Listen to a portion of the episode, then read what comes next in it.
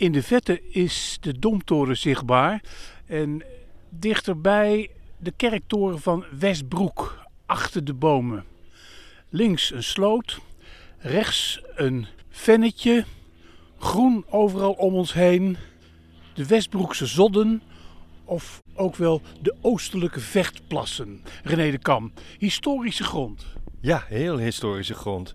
Dit gebied is in de 12e eeuw uh, ontgonnen. Eigenlijk nadat we in 1122 de dam bij Wijk Beduurstede neerleggen. Dan wordt het gebied rond Langbroek ontgonnen en ook het noordelijke deel bij de Vecht, ten noorden van de Vecht. En daar hoort dit gebied bij. Dus, dus dit is eigenlijk land dat indirect ontstaan is, of zelfs wel direct ontstaan is, na 1122, het jaar waarin wij stadsrecht kregen. En dat ligt hier dus al eeuwen. Dit ligt hier al eeuwen. Dit, dit, is, dit land werd ontgonnen van een ontginningsbasis. En dan ging het meestal zo'n 1200 meter naar achter. Dan kwam er weer een ontginningsbasis. Dat werd van tevoren helemaal uitgetekend. En zo ontstond er eigenlijk een lappendeken van zoveel morgenland. Morgen was een maateenheid in de middeleeuwen. Uh, ja, als je, als je hier nog met een drone of met een van die vliegtuigen die voortdurend hier bij het vliegveld opstijgen naar beneden kijkt, zie je nog steeds patronen die, die ja, 800, 900 jaar oud zijn mooi voor de bezoekers aan de tentoonstelling om misschien ook hier naartoe te gaan. He, zo vlakbij Hollandse Rading, Graaf Floris de Vijfde weg. Ja, Bert Bospad. Het is een, het is een heel mooi natuurgebied. Uh, Natura 2000 zelfs tegenwoordig. Mhm. Maar een gebied uh, niet alleen heel mooi om te bekijken, maar ook met stapels geschiedenis. Eh, het heeft te maken met de periode dat Utrecht meegesleurd werd in uh, een conflict dat toen toch ook al een paar eeuwen oud was, dat van de hoeken en de kabeljauwen. Hoe zat dat nou ook alweer? Wie waren die hoeken en die kabeljauwen? Ja, de hoek- en kabeljauwse uh, twisten, zoals we het mooi noemen, die beginnen in Holland. Eigenlijk kort na 1345, als wij de belegering in Utrecht hebben gehad met Willem IV. Die gaat een paar weken later naar Friesland om daar ook orde op zaken te stellen. Maar daar sneuvelt hij bij de slag van Warns, bij Staveren. Hij is kinderloos, er zijn geen erfgenamen. En dan bedenkt de, de, de keizer van het Heilige Roomse Rijk, waar wij bij horen, dat zijn vrouw, Margaretha, de nieuwe gravin wordt zij stellen gelijk hun zoon Willem aan en, uh, als een soort gouverneur. Nou, dat lijkt allemaal prima, maar er ontstaat al gauw twist. Want die gouverneur, die Willem, die wil veel meer. Die heeft een groep achter zich. En dat zijn later de kabeljauwen. Maar Margaretha heeft ook een groep achter zich. Dat zijn de hoeken. En er ontstaat een machtsstrijd die in de eeuwen daarop voortdurend weer zal oplaaien op bepaalde momenten. En met veel geweld een ellende gepaard zal gaan. En je, inderdaad, eh, wat je zelf ook al zei, in de loop der tijd zie je dat Utrecht steeds verder in dat conflict wordt meegesleurd. Aan het eind van de 15e eeuw komt het dan tot hevige gevechten. Een oorlog van 1481 tot 1483 zo'n beetje. We hebben het over de ommuurde stad, maar de stadslegers die wagen zich ook af en toe naar buiten. Om te beginnen naar IJsselstein, ja, in het begin van die oorlog, het is eigenlijk zo dat de, de, de kabeljauwen krijgen de overhand in Holland en aan hun zijde de nieuwe graaf Maximiliaan van Oostenrijk. En de hoeken, die zitten dus behoorlijk in het nauw, in de hoek gedreven zou je kunnen zeggen. En die uh, vertrekken naar Utrecht, want dat is eigenlijk een onafhankelijk staatje. Dus uh, er komt hier een, een, een hoeveelheid hoeken naar binnen tot groot verdriet van Maximiliaan, die erop staat dat dat niet gebeurt. Die wil niet dat die vluchtelingen hier een plek vinden, maar dat gebeurt wel. Dus Utrecht wordt een hoeksbolwerk. En dat, uh, ja, dat loopt natuurlijk steeds verder uit op een conflict met Holland, met de Habsburgers, Maximiliaan. Uh, en dat conflict krijgt een eerst grote gewelddadige uitbarsting bij IJsselstein. De heer van IJsselstein is altijd heel erg pro-Hollands. Dus via IJsselstein proberen de Hollandse legers Utrecht te belegeren. Dat doen ze eerst door een hebben daar een fort gebouwd langs de Vaartse Rijn. Dus dat gaan ze aanvallen. De belegerden in dat fort weten de Utrechters op een of andere manier te alarmeren. En dan rukt dat stadsleger als een speer uit. De Hollanders hebben dat eigenlijk niet zo goed in de gaten. Die denken eerst eigenlijk dat David van Burgondië, de bisschop van Utrechtse te hulp komt. Want die hoort aan de kabeljauwse kant. Maar op het laatst zien ze dat het een ontzettingsleger is. En ze hebben eens meer tijd om de kanonnen goed te richten. De, de stadhouder van Holland heeft niet eens meer tijd om zijn spiksplinter nieuwe harnas aan te doen. En ze worden daar volledig in de pan gehakt. Daar vallen ongelooflijk veel doden. Er worden 37 kanonnen buitgemaakt. En ook, dat is heel vernederend, een boel vaandels van allerlei regimenten. Banieren van Delft, van Dordrecht. En die worden bij ons met veel plezier opgehangen in de buurkerk. Zo van, eh, ja, weet je, dat, dit, dit is een super overwinning. Daar begint eigenlijk die tweejarige oorlog mee, die ups en downs zal kennen. Die kanonnen worden ook nog heel feestelijk binnengesleept, toch? Ja, die kanonnen die worden met boten naar, uh, naar de Tolsteegpoort gehaald. En daar worden ze afgereden. De Utrechters, vooral ook de kinderen, dat wordt ergens in een mooie kroniek heel uh, goed beschreven. Die komen verwond naar buiten, die raken die kanonnen aan. Die zijn in die tijd nog, nog helemaal niet zo uh, in. Ik bedoel, dat waren nog best wel zeldzame dingen. En dan worden ze met veel onder luid gezang naar de Neude gebracht. En daar neergezet als de oorlogsbuit. Weet je, dat was echt super overwinning. Dus, dus daar staan inderdaad wekenlang die kanonnen te pronken. En wij hebben gewoon uh, de, de, de Hollanders, lees dus ook, de Habsburgers overwonnen. Ik zie ze staan daar ja. op de neuden. Um, Utrecht, daar hebben ze de geest gekregen. En een paar weken later toch gaan ze vermomd naar een andere vesting, Naarden. Ja, precies. Ze hebben inmiddels de smaak te pakken en ze willen eigenlijk natuurlijk nog meer en laten zien aan Holland van wij zijn gewoon oppermachtig. En B, uh, buit, oorlogsbuit smaakt ook naar meer. Dus wat ze doen is met een, uh, een stel van 20, 30 soldaten gaan ze naar de poorten van Naarden, verkleed, s'morgens vroeg als marktvrouwen met mandjes onder de armen. Uh, wachten tot de poorten opengaan. Gaan naar binnen. Gooien hun vrouwenkleren af. Pakken hun wapens. En richten daar een waar aan. Het gaat echt heel heftig aan toe. Ze roven, ze plunderen. Ze nemen van alles mee. En nog eens een keer 140 gijzelaars. Die uh, op de gevangenis van de Katrijnenpoort, het paradijs mooi geheten, uh, worden neergegooid. Zodat ze daar ook nog eens losgeld voor kunnen vragen. Dus je ziet, één overwinning smaakt naar meer. De Utrechters die voelen zich op dat moment oppermachtig. Holland lijkt in het defensief te zitten.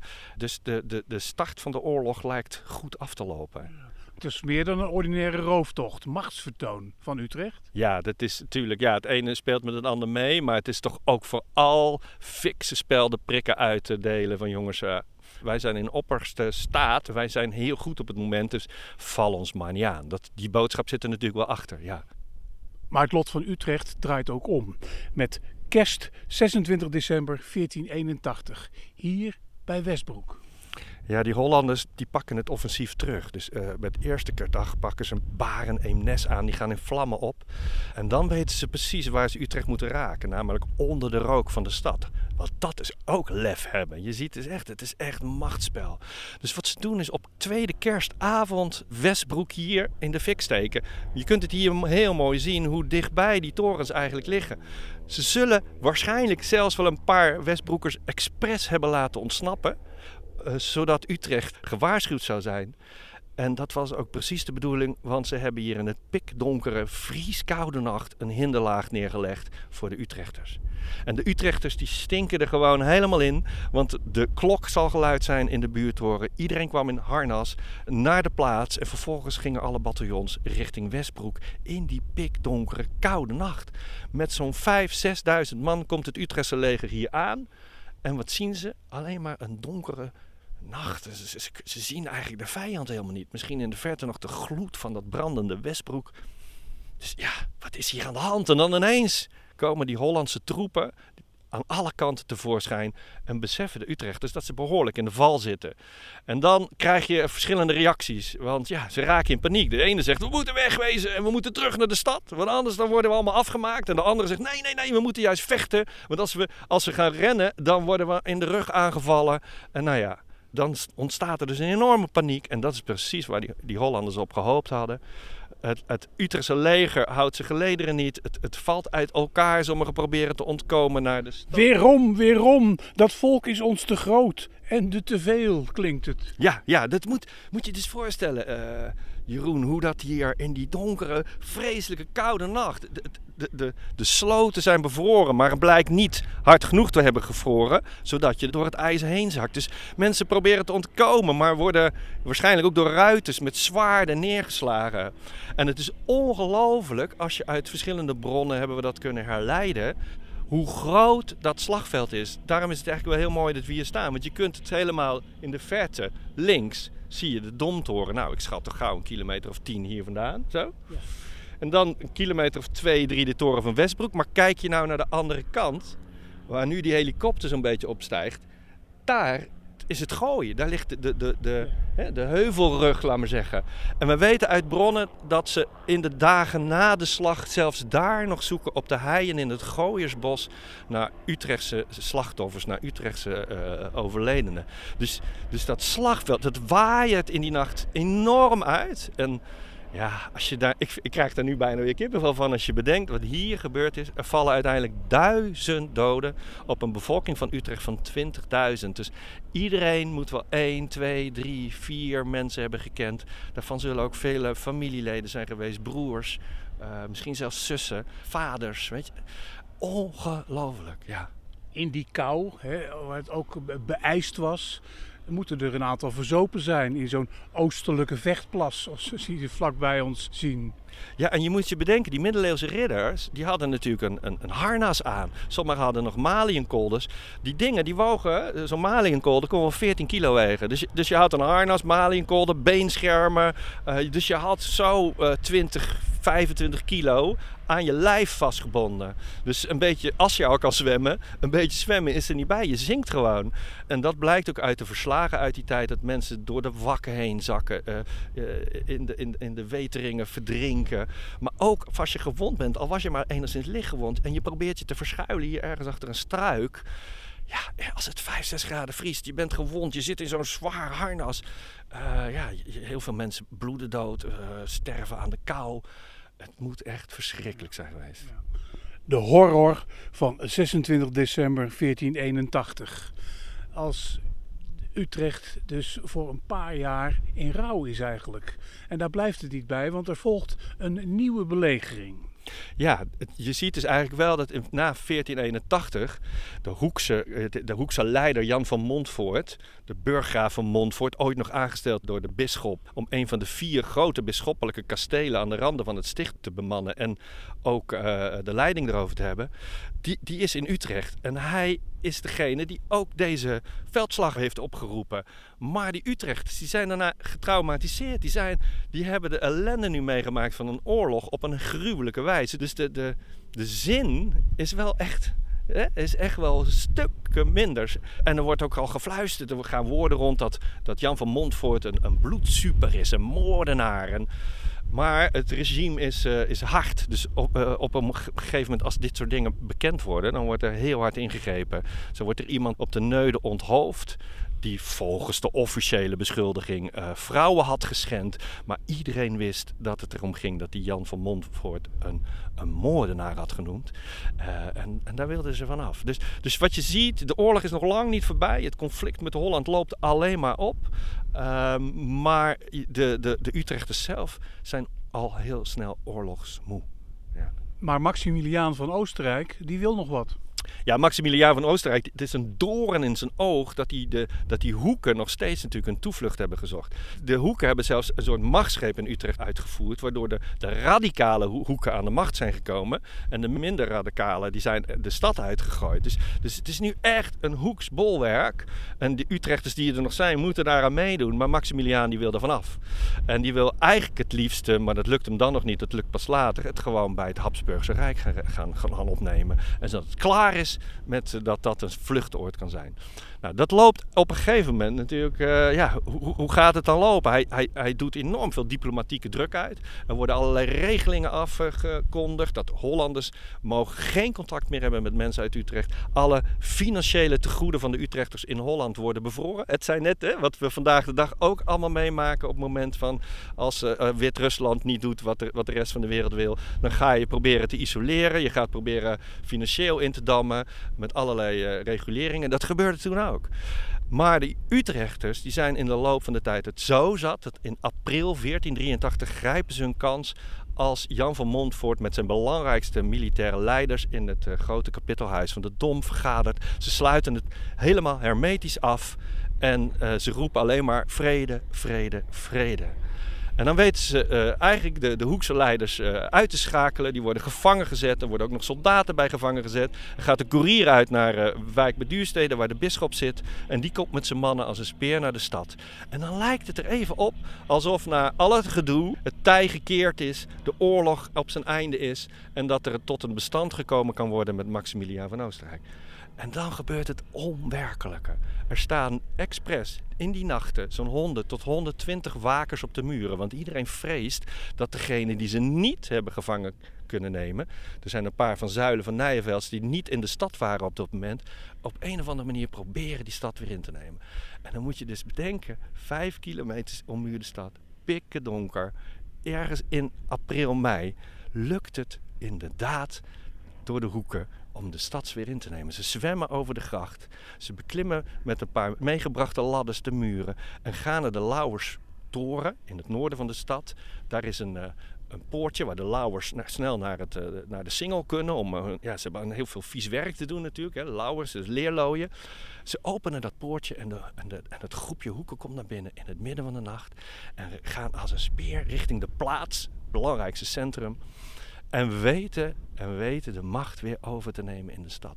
De Utrechters die daarvoor nog vrede, vrede hebben geroepen, die durfden waarschijnlijk niks. Die hebben dat met angstige ogen aangezien.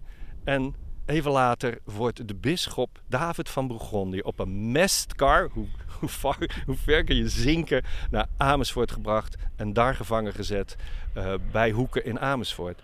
En dan zijn we, lijkt het weer terug bij af. Want Utrecht is weer hoeks. Maximiliaan is woedend als hij hiervan hoort. En dan kun je op je klompen gaan aanvoelen dat Maximiliaan het niet meer tolereert.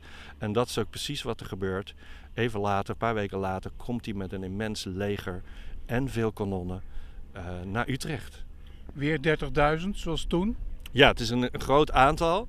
En ja, wat, wat Willem IV in 1345 had natuurlijk nog vooral blijdes en uh, ja, kruisbogen, uh, stormrammen. Uh, maar Maximiliaan die neemt voor het eerst echt voldoende kanonnen mee. En een van de eerste dingen die hij doet en wat hem ook lukt, is een groot stuk van de stadsmuur bij de Witte Vrouwenpoort in puin te schieten. En dan zitten de Utrechters toch wel behoorlijk uh, in de rats. En beginnen de diplomatieke onderhandelingen tussen Jan van Montfort en Maximiliaan van Oostenrijk. Maar die lopen eigenlijk op niks uit en uh, de belegering gaat dan verder. Uh, de bemuurde Weert wordt ingenomen na drie dagen hard vechten. Het wordt zelfs helemaal plat gebrand. Die Hollanders weten precies blijkbaar waar de zwakke schakel zit in de ommuurde stad van Utrecht op dat moment. Want daar is de singel maar zo'n 6, 7 meter breed. En zo, uh, zo grijpt het net steeds sterker om, uh, om de Utrechters heen. Die willen nog wel volhouden, maar uiteindelijk raken de voorraden op. En begin september moeten ze dan echt met Maximiliaan om tafel. En dan komt er een vredesverdrag uit, wat absoluut niet goed is en niet fijn is voor de Utrechters. Dus in tegenstelling tot 1345, met die eerste grote belegering, dan, dan weten we er eigenlijk heel veel uit te, te halen en geven we ons pas over als er een, een redelijk compromis ligt. Maar dat lukt ons in 1483 niet. En dan, ja, dan zijn we behoorlijk de sjaak. Dus we krijgen een oorlogslast op ons van 20.000 Rijnse guldens. Immens. We mogen uh, de stadsommuring niet herstellen zonder toestemming van de graaf van Holland, dus Maximiliaan. Er komt een regiment in de Katrijnenpoort. Die wordt helemaal verbouwd als een soort van dwangburgtje. Uh, regiment onder leiding van de heer van IJsselstein. Onze aardsvijand gaat dus gewoon onze stad bepalen wat we wel en niet mogen. Ja, weet je, eh, als je dat allemaal op een rijtje zet, in die, wat er in die twee jaar gebeurd is met hier bij Westbroek en uiteindelijk zo'n vernederend, een zwaar financieel vredesverdrag, dan is de prijs die Utrecht heeft betaald om meegesleurd te worden in de Hoekse kabeljauwse twisten van Holland immens. Immens. En toch veren ze weer op? Ja, ja dat is natuurlijk een heel interessant item. Ook voor ons nu vandaag de dag met corona. Wat is veerkracht? Hè? Dus wat je eigenlijk ziet, ze zitten niet bij, ja, ze zitten wel bij de pakken neer, maar ook weer niet. Dus binnen no time worden de grootste gaten in de stadsommuring weer dichtgezet met hout. Dat mocht blijkbaar wel. Binnen een paar weken zijn alle wakers zijn weer in functie. Dus de stad wordt weer bewaakt. En na een jaar of zes, zo rond 1489, is de veerkracht blijkbaar dusdanig dat de stad zich weer herpakt. De gilde... ook de geest van de gilde, hè? Ja, de gilden komen weer aan de macht. En uh, ze weten in 1489 die heer van IJsselstein met zijn mannen de stad weer uit te smijten. Nou, dat moet een enorme boost hebben gegeven natuurlijk. En zo uh, veert de stad weer op. Je ziet in de tijd daarna dat ze ongeacht, ik heb het niet kunnen vinden, wel of niet nou weer toestemming hebben van Maximiliaan om de stadse muring te herstellen. Maar ze beginnen gewoon en ze gaan ermee verder. De gilden worden opgeroepen, er worden weer gewoon uh, enorme bedragen uitgegeven. Niet alleen aan baksteen en bouwmateriaal, maar ook weer aan wapens, uh, munitie. Dus de stad herpakt zich zo rond 1489. Maar die schuldenlast het blijft spelen. En, dat is ook wel weer belangrijk, we komen dan ineens weer in een ander wespennest te zitten. Namelijk aan de ene kant Holland en aan de andere kant Gelre. Die vanaf 1492 weer probeert los te komen van het Habsburgse Rijk. En de hertog van Gelre en de graaf van Holland, Maximiliaan, die gaan dan strijden om de macht en ook weer om het sticht. Dus we komen eigenlijk van de regen in de drup. We proberen neutraal te blijven, maar dat gaat ons uiteindelijk niet lukken. Uiteindelijk gaan we over naar het Habsburgse Rijk, 1528, Karel V. En in die zin kun je eigenlijk zeggen van de, de, de, de, de, de oorlog die we hier bespreken, 1481, 83, is eigenlijk het begin van het einde van de Utrechtse onafhankelijkheid.